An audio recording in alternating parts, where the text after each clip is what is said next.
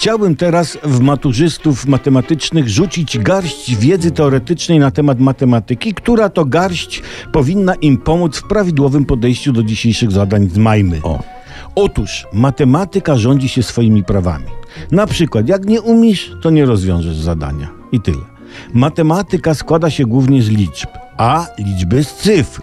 Cyfr jest 10, a liczb w cholerę i jeszcze zostaje na potem. Liczby mogą być jedno lub wielocyfrowe, czyli cyfra może być liczbą, na przykład 3. I odwrotnie, liczba cyfrą, na przykład 3. Kurde magia, no. I, I to ważne, i to warto zapamiętać. Liczba reprezentuje tylko sama siebie, na przykład 3, a nie inną liczbę, na przykład 12. Jakby było inaczej, to by się straszny bałagan zrobił na przykład w sklepach.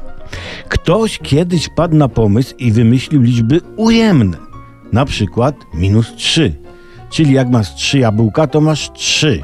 Jak nie masz żadnego jabłka, to masz zero. A jak nie masz trzech jabłek, to masz minus trzy jabłka. To jest głupie przecież. Albo patrzysz na pustynię typu Sahara czy Gobi i masz minus 100 tysięcy drzew. Na przykład, bo możesz nie mieć więcej drzew jak chcesz. Na tym właśnie polega wolność, że możesz nie mieć ile chcesz. Tego typu matematykę to na marginesie stosuje na przykład Polski Ład i banki przede wszystkim. Mam nadzieję, maturzyści, że moje uwagi przyczynią się.